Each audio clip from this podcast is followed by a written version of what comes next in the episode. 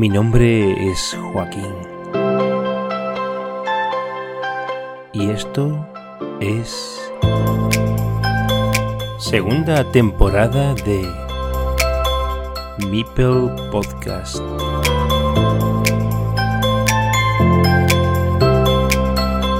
Welcome to Carcassonne.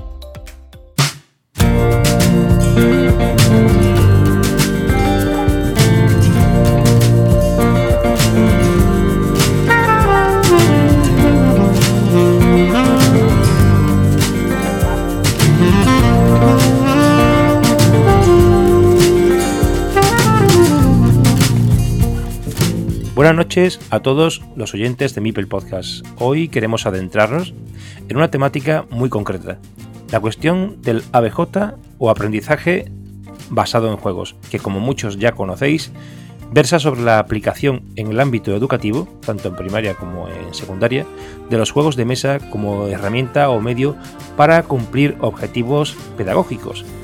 En ocasiones podemos entenderlo como una asignatura propiamente enfocada al desarrollo de determinadas habilidades, potenciar ciertas capacidades propias del ser humano, buscando un entorno que además sea divertido y amigable, fácil de manejar para el profesorado y altamente motivante para el alumnado. Y en otras ocasiones el uso de estos instrumentos a nivel curricular, el juego de mesa, se basa expresamente en un complemento para el resto de asignaturas escolares, por lo que los juegos actuarían como una estrategia transversal de mejora en el aprendizaje de materias habituales en educación como matemáticas o lengua. Para llevar a cabo esta tarea hemos decidido crear una mesa redonda o mesa de debate para poner en liza la opinión de varios docentes de la propia comunidad de Carcassonne Spain.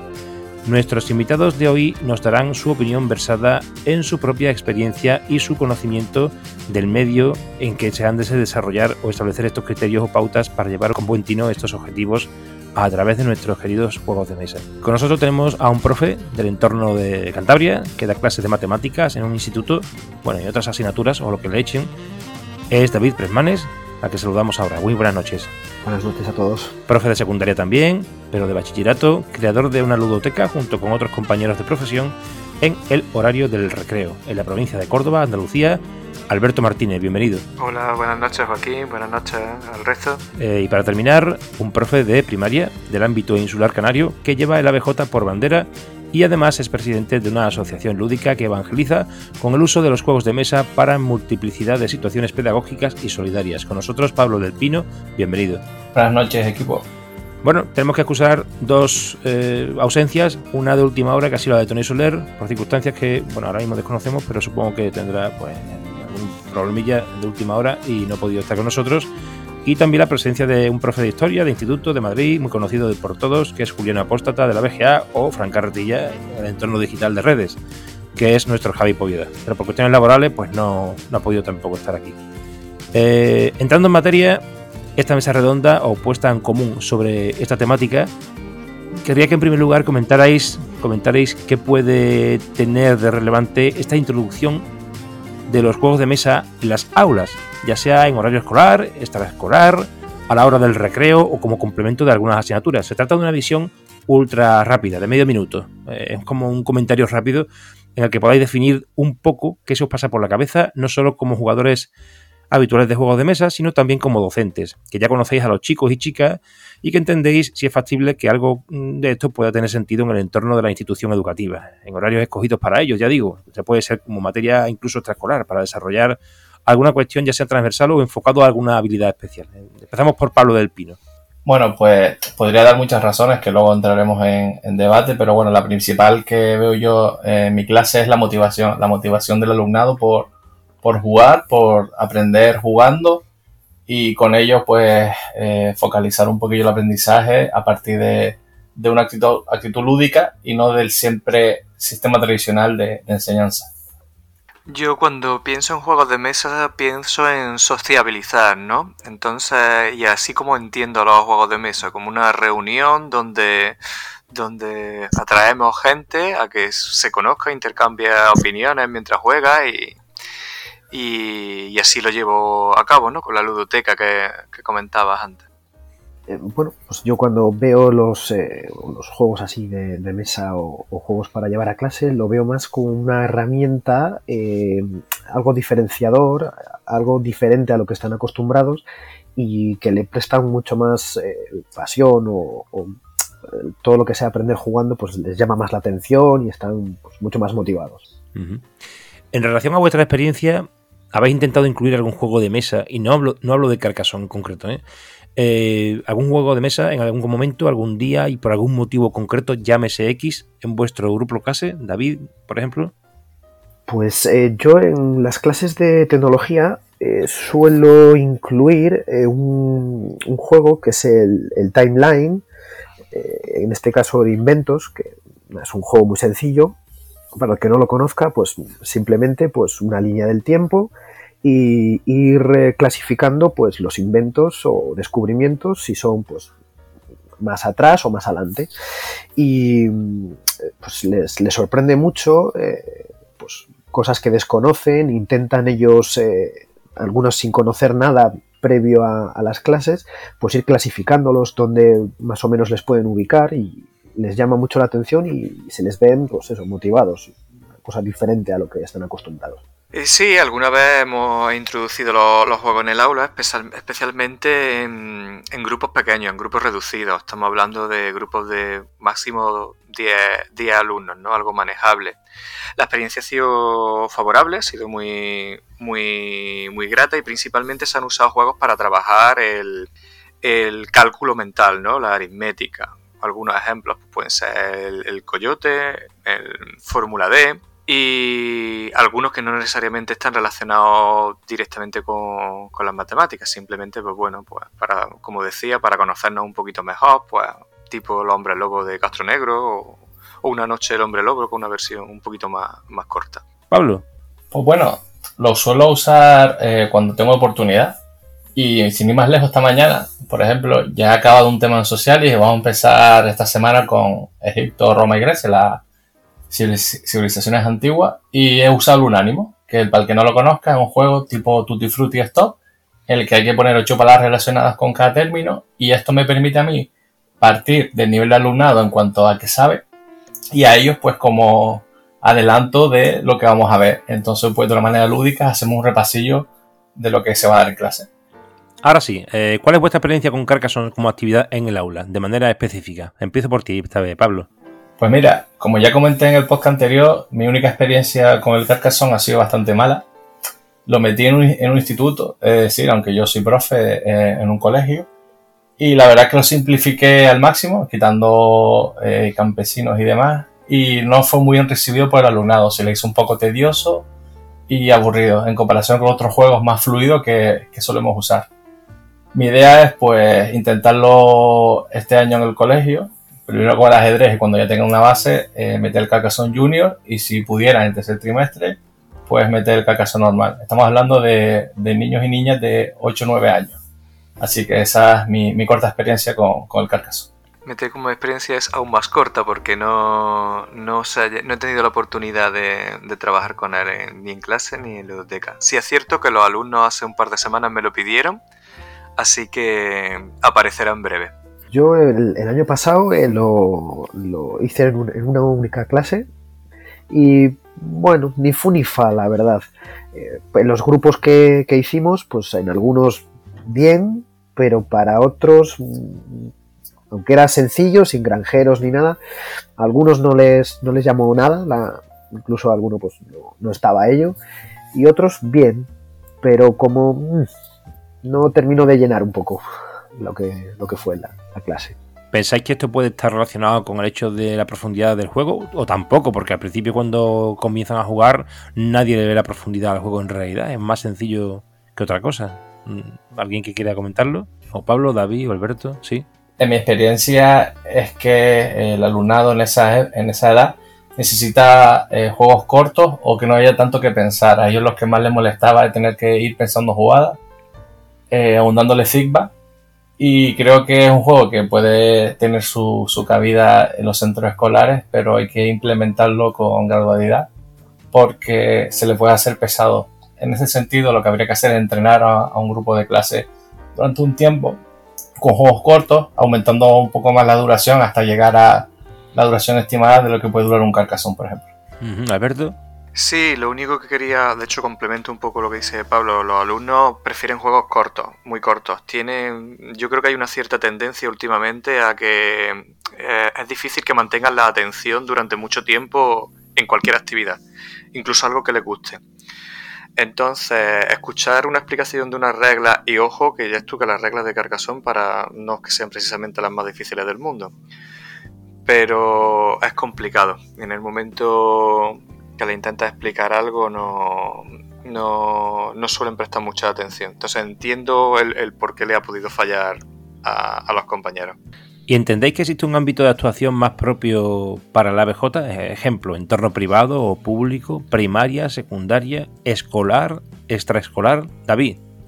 Pues yo la verdad que no lo, no lo he podido probar, eh, porque he tenido pocas, pocas clases y en mi centro yo creo que, no sé si alguno en primaria sí que lo sigue y no lo he podido eh, probar ni, ni ver. Entonces tampoco puedo tener una, una valoración de, de, ello como tal. Eh, Alberto. Lo mismo sin tener más experiencia que la de mi propio ámbito, a mí me da la sensación de que, de que en primaria la introducción de los juegos de mesa es mucho más favorable. Al final de cuentas, el juego o jugar es parte del desarrollo de, los niños, ¿no? Y, y, estamos hablando de eso, en primaria siguen siendo niños, entonces creo que les ayuda a formarse no ya no a nivel curricular, ¿no? sino a nivel personal, creo que los ayuda a, a formarse, el, el, seguir unas normas, seguir unas reglas, escuchar a los demás, compartir, son valores importantes que, que se pueden trabajar a través de los juegos de mesa. Entonces creo que eso, que en un entorno de niños pequeños eh, es mucho mejor que en alumnos mayores. En cuanto al tema de público o privado, sinceramente no creo que haya, no creo que deba de haber ninguna diferencia. Bien, el, decía lo de público privado por muchas veces por los recursos, porque por ejemplo eh, puse en una eh, en una entrevista con, concretamente con, con, David Escobar, pues mm, claro, David, bueno, mm, sí, no recuerdo ahora, sí, sí, David Escobar, ¿no? Creo que sí. Ahora se me ha olvidado hasta el nombre de, del compañero. Bueno, eh, el caso es que eh, eran dos hermanos. Eh, uno de ellos da clases de ajedrez desde hace 20 años en, en un cole y era un, una entidad privada con un proyecto con todos los recursos que ellos mismos dispusieron y muchas veces pues en el ámbito público como se puede ver por ejemplo eh, con la con la presentación directamente ya en el Parlamento de que el ajedrez se puede introducir y está preparado para introducirse legalmente ya en la escuela, pues no se lleva a cabo, porque al final depende muchas veces de los centros directivos. Y este era un poco la, el tema de por qué puede ser a lo mejor más propio de un lado que de otro, no porque se pueda o no se pueda ejecutar por parte del profesorado docente, sino por, por el tema de los recursos muchas veces. Y primaria y secundaria, por lo que habéis apuntado, porque quizá en las primeras edades también pues bueno, pues se supone que el niño está más receptivo al tema de los juegos, aunque tampoco tiene por qué ser diferente en secundaria. Pero claro, ya las necesidades son, a lo mejor, van variando, ¿no? Y escolar, extraescolar, porque hay profes incluso que no lo ven dentro del, aula, sino que lo ven más bien como una cosa, pues para fuera del aula, fuera de lo que sería el, eh, la parte del, currículo habitual de, con el profesorado, sino que sería una actividad extraescolar. Yo mi experiencia, que por suerte he podido pasar por los tres grandes campos o etapas que es la primaria, la secundaria y también la escuela de adultos, que funciona. Opino como los compañeros, es mucho más fácil introducirlo en la etapa de infantil y primaria porque el juego ya forma parte del aprendizaje. O sea, no concibimos que en educación infantil no se juegue. Es la tónica habitual, jugar, aprendiendo, eh, leyendo, visualizando vídeos y demás. Entonces, sí es verdad que a mí me ha funcionado mucho en los institutos, sorprendentemente, a lo mejor una idea equivocada de que no iba a entrar tan, tan bien, por el tema de que ya en esas edades los pibes estaban más con móviles, ordenadores y demás, pero sí es que es más fácil la implementación en edades bajas, como puede ser la, la etapa primaria, eh, una pequeña ludoteca o iniciación a, a, al aprendizaje basado en juegos que en comparación con un instituto. Antes dije David Escobar y es Daniel Escobar, pero bueno, son dos hermanos y los dos eh, me refería a ellos por el mismo motivo, aunque el que está en el cole desde luego es Daniel. Eh, a ver, contadme algo que conozcáis que se lleve a cabo en vuestro entorno o vuestra puesta en marcha de algún proyecto en particular en relación al Carcasón, a la BJ o algún proyecto de ámbito autonómico, etcétera. Empezamos por Pablo. Pues mira, eh, curiosamente este año he podido pedir el, proyecto Mi Centro, que lleva varios años realizándose en Canarias, que se llama Educando Personistas No Campeones, el que ya hablamos anteriormente, y que es un proyecto que usa el ajedrez como, como herramienta pedagógica. Eso por un lado. Y luego ya en mis clases como refuerzo de ciertos contenidos y también como apuntar al compañero, como esos momentos de socialización en pequeños grupos, voy a, voy a meter y estoy metiendo pequeñas sesiones de, juegos de mesa para, para ello, para diferentes tipos de, aprendizaje, pero sobre todo el tema de socialización que viene muy bien, sobre todo en, edades de, de, primaria, que están todavía con las emociones, identificando emociones, formando su carácter, pues la verdad que el juego va, va súper bien. Y por terminar también, eh, hay una corriente nueva en España, bueno, nueva no, pero que en alza, que son los patios dinámicos, ¿no? Se elimina el fútbol como ese dominador que todos tuvimos cuando estudiamos y se, y se plantea construir varias zonas separadas, varios rincones en el recreo, eh, que puede ser una ludoteca, puede ser un rincón para leer, puede ser un rincón para juegos de pelota sin dañar a los demás. Y la verdad que hay los juegos de mesa en, esos patios dinámicos, que, que, cada vez salen más en los, en los colegios e institutos, pues creo que los juegos de mesa pueden tener cabida. Pues eh, en mi caso, eh, proyectos como tal, ¿no? Pero sí que, así repasando, sí que compañeros eh, les introducen en, en, algunas de sus clases, sobre todo una, una compañera en, clases de lengua eh, por el tema de, mejorar pues el tema de socializar y de, expresarse pues sí que tiene alguna batería de, juegos para, para, poder llevar a cabo eh, sus clases. Así que recuerde el Dixit o alguno similar al tabú y sobre todo por eso, por el tema de, socializar y de, poder mejorar su, expresividad. Alberto. Pues mira, precisamente este año me he animado a, iniciar o a participar más bien, más que iniciar, a un proyecto que se trabaja a nivel de andaluz, que es eh, Aula de Jaque. Yo cuando empecé o cuando me, me apunté, ¿no?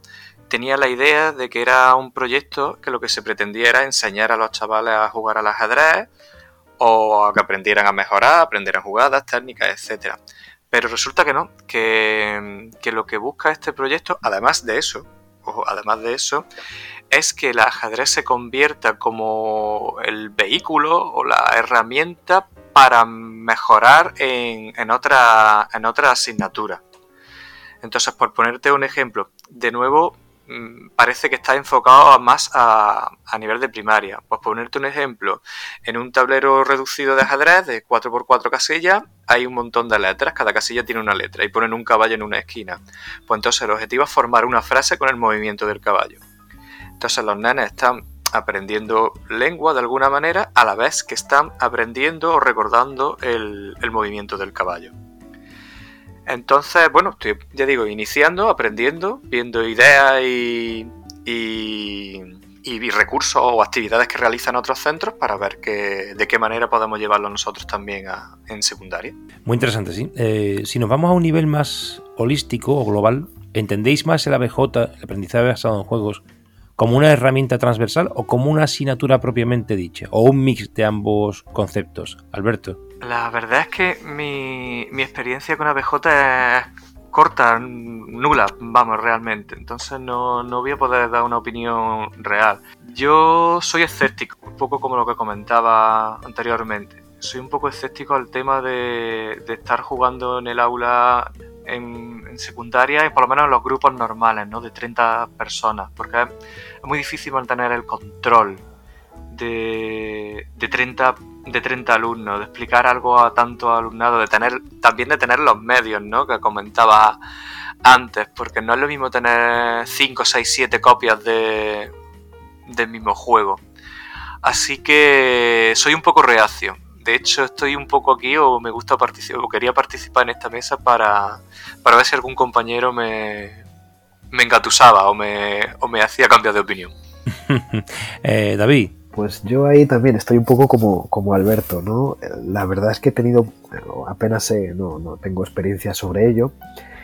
Y es que es la verdad, con grupos grandes eh, que ya eh, el tema de la atención y la concentración le tienen dificultoso, pues es complicado, es complicado. Entonces yo sí que lo veo más como una herramienta pues, para determinados casos o situaciones puntuales más que como basarse fundamentalmente en ello. Pero claro, también lo digo eh, desde el desconocimiento y de, desde fuera, ¿no? Entonces, también eso me pasa que no puedo aportar mucho en este caso. Mm, bueno, soy prudente, pero aportáis vuestra propia opinión y en cualquier caso eh, lo veis como una herramienta más transversal que como una asignatura propiamente, aunque pueda también servir para desarrollar otras habilidades o capacidades. Lo que sí es cierto es que hacéis mención del control de la clase a la hora de poder desarrollar este tipo de, actividades. Y aquí quizá nos pueda abrir un poquito más la mente Pablo, que tiene más experiencia en este ámbito. A ver, Pablo. Bueno, eh, yo como siempre he dicho, eh, la BJ ayuda, pero no es una receta mágica, no es la panacea, no es que todos los días la, la usemos, sino que es una herramienta puntual o que usaremos en momentos concretos para, para la clase yo sí es verdad que he tenido suerte porque cuando estuvimos en el instituto eh, dábamos talleres varios, varios profes, tenía, no estaba yo solo en el aula, que eso no suele pasar, y teníamos varias copias, me acuerdo de jugar al Thomas 6 pues toda la clase, con 4 o 5 copias, al que alcanzó en su momento, el Susi Go y demás.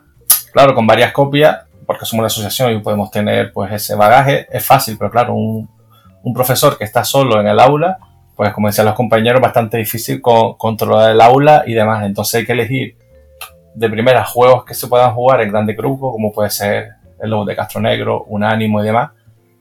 Y también conseguir la atención y conseguir explicar y que todo el alumnado te escuche, retenga las normas y aparte una vez hecho esto, juegue de manera que no se desmotive o que haya conflicto, porque en el juego puede haber conflictos, que por cierto es una oportunidad perfecta para trabajarlo la verdad que puede ser un poco reacio a, implementarlo en secundaria. Por eso yo animo a, todos los compis que, lo intenten de manera gradual, porque de verdad que es efectivo, no siempre, pero por lo más general puede ser una herramienta bastante buena para, para el aula.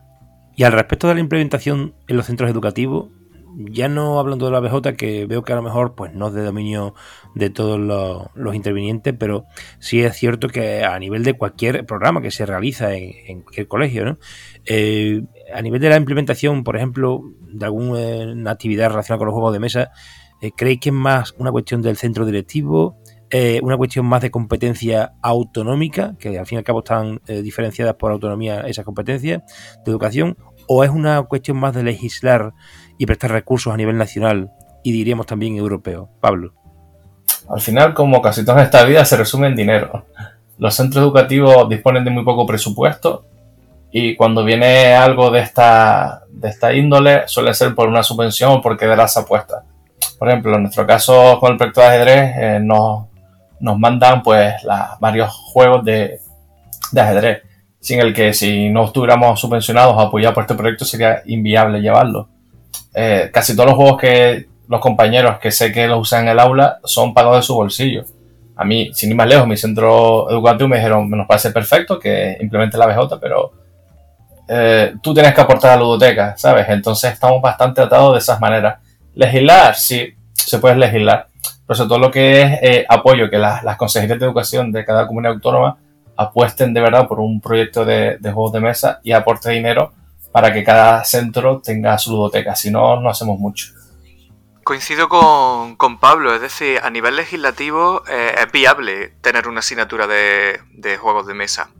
Me explico. Bueno, os voy a hablar desde la legislación andaluza, porque no sé cómo funciona en otras comunidades. Nosotros tenemos la oportunidad de crear, de hecho hay una, una asignatura, hay un apartado que es un proyecto integrado, o ahora no me sé el nombre, voy a, fracasar. Pero básicamente como que podemos proponer asignatura nosotros, evidentemente con una programación, con un objetivo, unos contenidos, unos criterios de evaluación, es decir, todo. Lo que pasa es que en vez de coger y copiar y pegar la, normativa o la ley eh, que ya exista, empezar de cero y crearla nosotros. Y eso luego tiene que aprobarse. El quien la aprueba mm, lo desconozco. No sé si es a nivel de centro o a nivel o algo ya más superior. Problema, ¿qué fondo no va a tener? Ninguno. Porque actualmente el único dinero que, digamos, te garantizan es el de los libros de texto. Y de nuevo aquí en Andalucía, ¿no? Que tenemos el cheque libro y, lo, y sí que nos dan dinero para que los alumnos compren libros de texto. Materiales adicionales, eso ya tiene que venir de un esfuerzo que tiene que hacer el propio, bien el propio centro, o bien familia, o, o, como decía Pablo, bien nosotros mismos. Pues yo creo que por ahí andan los tiros, la verdad, que eh, el tema legislativo sí que es factible, sí que puede ser una, una cosa que se pueda llegar a lograr, pero sobre todo el tema de, recursos. El tema de recursos pues va a ser más complicado. Yo creo que ahí está el, la clave para, para, poder implementarlo y que, que se vea en los centros, la verdad. Porque si hay centros que tengan pues, pues estén subvencionados o que tengan facilidad para adquirirlo, pues sí se puede, pero si no, como tema general va a estar complicado si no hay una, una propuesta en la que haya una aportación. A ver, y cambiando un poco de tema, editoriales con líneas de juegos educativos o escolares. Eh, ¿Sabéis alguno, David, eh, eh, Alberto? ¿O pasamos a Pablo directamente, que, que más conoce este tipo de, de nombres, editoriales con, con líneas de juegos educativos? Yo creo que había que reformular la pregunta, Joaquín. Hay que preguntar qué editoriales no tienen línea educativa, porque prácticamente todas están, están sacando su, sus cosillas. Hombre, Atomo Gay, Falomir ahora que se han juntado con, con Manu Sánchez, maestro de Andalucía bastante bueno. Eh, Ludilo, Java, por supuesto, Devir también tiene cositas. Prácticamente la, todas las editoriales están sacando una rama educativa porque está habiendo un filón entre los profesionales de la educación y la verdad que están haciendo juegos muy muy interesantes para el aula prácticamente de, de todas las asignaturas. Sí, pero iba más bien por ahí los tiros. Esto que has comentado, por ejemplo, Debir tiene una línea educativa, pero Debir no se dedicaba a esto. En cambio, casi todos están ahora por la labor de desarrollar líneas de juego que directamente estén relacionadas con el ámbito pedagógico. Pero había eh, ya editoriales que directamente se dedicaban a esto o básicamente centraban su actividad en esto. Por ejemplo, acabas de nombrar Japa, por ejemplo. Y esto, esto es a que me refería. Quizás no lo he preguntado bien del todo, pero tiene sentido también la manera en la que lo has expuesto, porque ya eso da a entender la importancia que se está dando desde el mundo editorial de juegos de mesa al ámbito educativo, en este caso. Sí, y además se está viendo que las editoriales están invirtiendo en financiar ideas y juegos de profes para profes. Ya antiguamente solamente eran diseñadores los que hacían juegos generalmente, y ahora ya las propias editoriales contratan a profesores para que ellos mismos diseñen los juegos y la verdad que eso es un, es un, buen, un buen cartel para, para el gremio, para la educación, porque al final, si los profes mismos que están en el aula son los, los que diseñan, mm, se, seguramente será un éxito, porque están partiendo de la realidad de, del entorno educativo. Y la verdad que eh, es tan genial porque se están viendo cosillas y sobre todo, yo lo que veo es un aumento de todo. Ya las editoriales también tienen su página web, apartado educativo. Hay blogs dentro de las editoriales que te hablan de los beneficios de cómo implementar los juegos de mesa. La verdad que se está creando una sinergia en ese sentido que las editoriales no están desaprovechando. Yo voy a dar una visión negativista de esto. Es decir, eh, el aprendizaje basado en juegos o la ludificación, la gamificación o los nombres que le queramos dar, no deja de ser una tendencia que no sabemos si se quedará o si desaparecerá pero claro, no deja, eh, ahora mismo es, es, eso, es tendencia, eh, es algo conocido, ¿no? Y al final de cuentas, una editorial o una empresa es una empresa y una empresa que quiere ganar dinero. Entonces, evidentemente, muchas empresas se están metiendo por ese carril porque lo que quieren es eh, promocionarse de alguna, de alguna manera, viendo que cada vez son más los docentes que optan por, por introducir los juegos de mesa en el aula pues están viendo que es una manera de llegar a, un nuevo público, ¿no? Porque fijaos que la qué cantera de clientes, ¿no? Tenemos nosotros. Vemos miles y miles y miles de, de alumnos. Si, si desde chiquitos somos colaboradores, ¿no? De estas empresas y les vamos mostrando los juegos de mesa, están creando un cliente de futuro. Eso es la opinión o lo que yo eh, creo que está ocurriendo con, las editoriales. A ver, opinión sobre este tema que acaba de comentar Alberto, David. Pues eh, sí que es, es una, aportación bastante buena, ¿no? El, tema de, la tendencia, ¿no? Lo que es así como novedoso y que todos quieren meter su meter la cabeza porque son empresas y, y ven negocio, ¿no?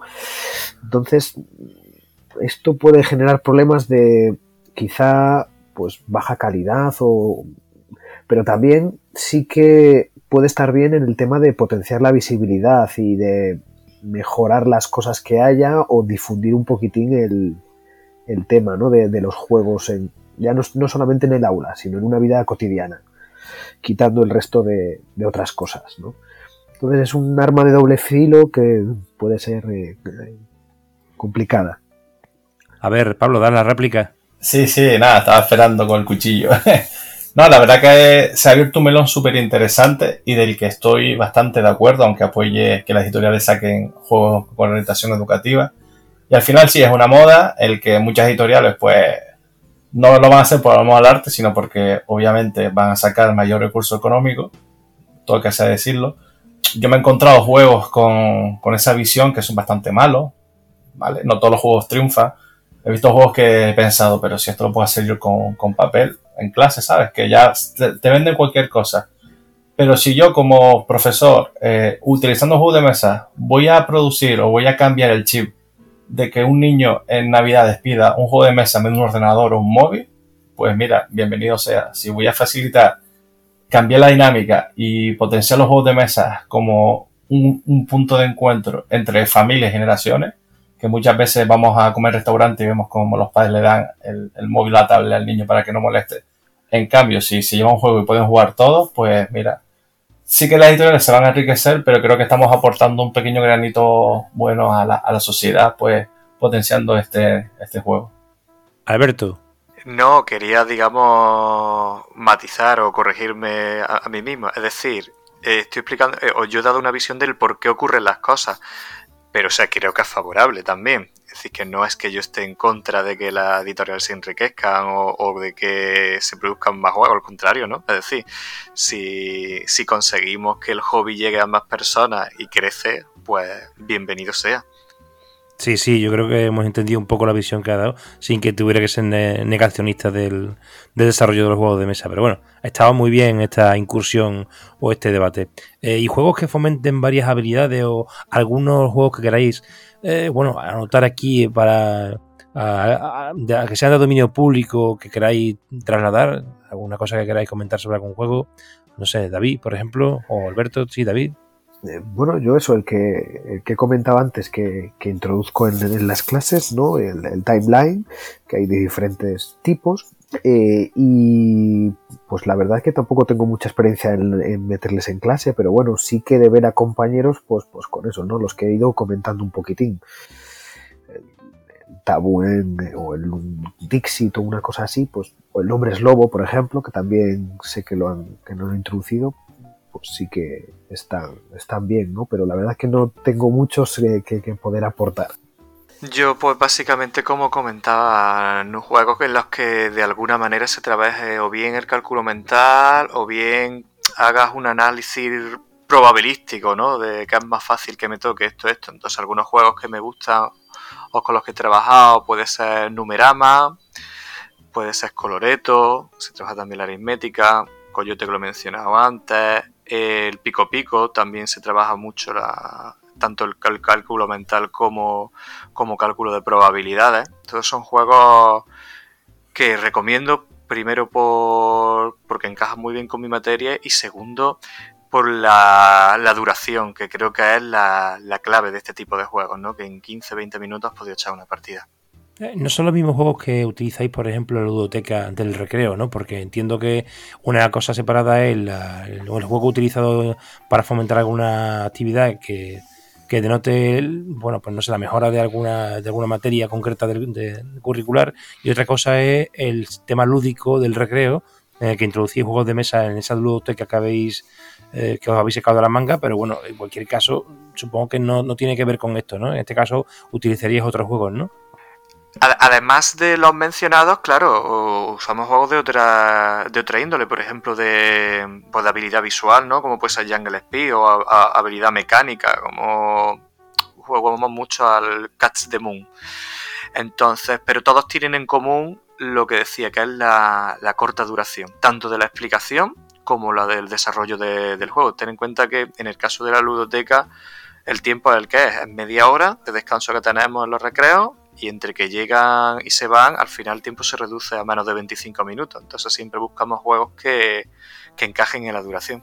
Efectivamente, bueno, los participantes de la dudoteca cuando ya llevan varias sesiones supongo que ya directamente van al juego sin, sin menoscabo de que se pueda utilizar otro nuevo, pero en principio ya tienen más, más recorrido cuando llevan ya varias, varias sesiones de ludoteca, supongo. Sí, de hecho son reacios a aprender juegos nuevos. Eh, no, los alumnos son están cómodos, ¿no? Con lo que conocen, con lo que con lo que saben. Y eso ya seguramente una persona que sepa más de pedagogía que, que, yo, o a lo mejor que cualquiera de nosotros, eh, lo puede confirmar. los niños se sienten cómodos con lo conocido es por, ponerte un ejemplo, como que seguramente lo hemos vivido todos. El típico niño que ve una película de dibujos y la ve otra vez, y otra vez, y otra vez, y otra vez. Y, le, quiere invitar a que vea otra, y no quiere, quiere ver la que, ya, la que se conoce los diálogos. Y es un poco porque se sienten cómodos con, lo conocido, no le gusta la incertidumbre, ¿no? No le gusta el no saber lo que va a ocurrir. Pues un poco igual con, esto, con los juegos de mesa. Se sienten cómodos con lo que ya conocen y no, no les gusta demasiado aprender cosas nuevas. Hay que forzarlo un poco. A ver, Pablo. Sí, eh, de los que casi siempre triunfan, el virus, que por cierto es el juego más vendido en España durante varios años. Eh, la polilla tramposa, te ríes muchísimo. Cómo el alumnado hace trampa, cómo socializa, cómo se vigila.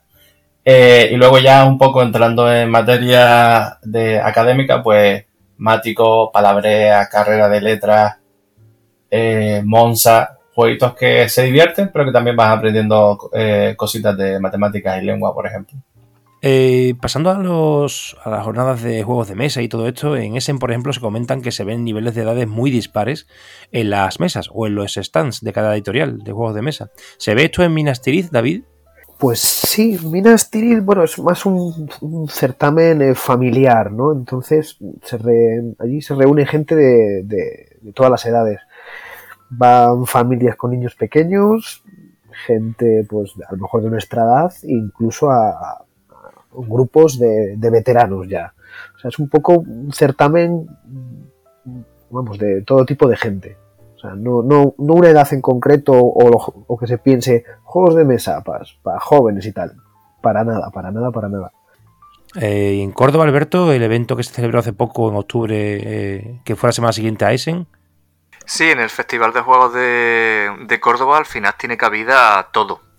Es decir, nos podemos encontrar familias, abuelos, padres, niños compartiendo mesa.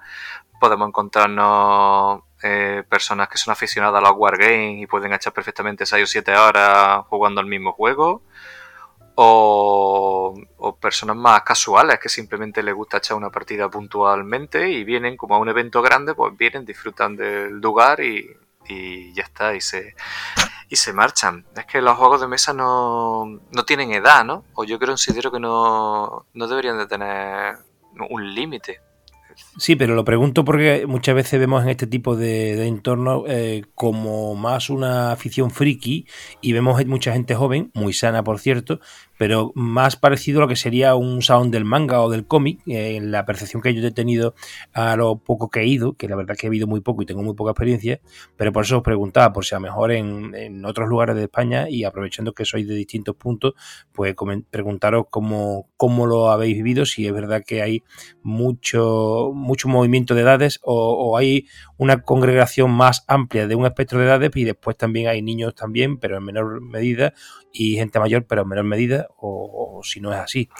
Eh, por ejemplo, iba a preguntar a Tony que no se encuentra cómo son las DAO, si es que él ha ido, pero mm, te pregunto a ti, Pablo, ya que en, Canarias no sé si disponéis de algún evento de juegos de mesa, me lo podrás comentar tú, pero también dentro de poco también las DAO de Barcelona, que no sé si habrás vas a repetir, ya está en alguna ocasión.